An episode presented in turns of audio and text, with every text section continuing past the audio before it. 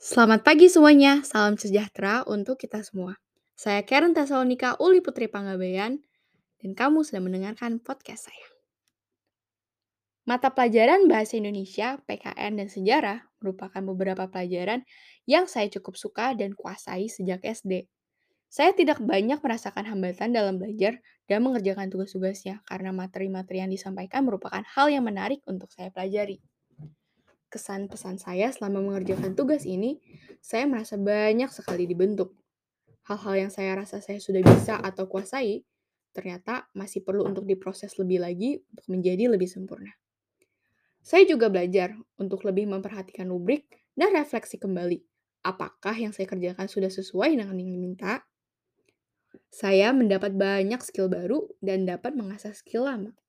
Saya pribadi menyadari bahwa saya banyak berkembang pesat dalam soft skill saya seperti dalam berkomunikasi, menguasai Google Workspace, dan juga time management.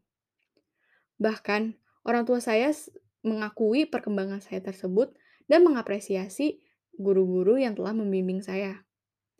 Selama mengerjakan tugas-tugas yang ada, saya juga belajar untuk mengenal diri saya sendiri dan cara belajar saya.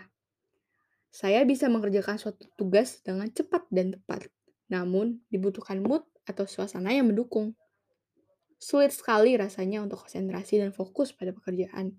Namun, saya berusaha untuk mengatasi hal tersebut dan membangkitkan mood dari diri saya terlebih dahulu.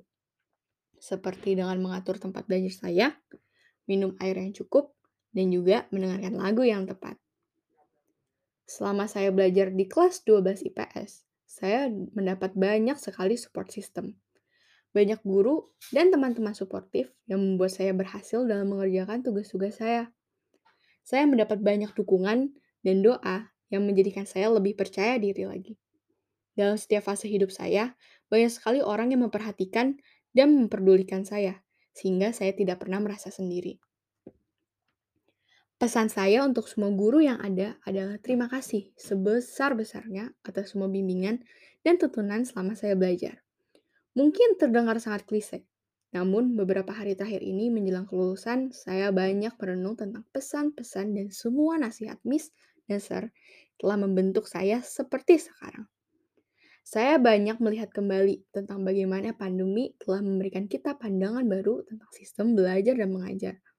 Walau sulit, saya bersyukur saya tetap mendapat akses pendidikan mempersiapkan saya untuk menghadapi tantangan zaman. Terima kasih untuk semua kepercayaan dan doa-doanya. Terima kasih sudah mengajarkan saya untuk bermimpi tinggi dan bermegah dalam kesederhanaan. Terima kasih juga untuk semua canda dan tawanya.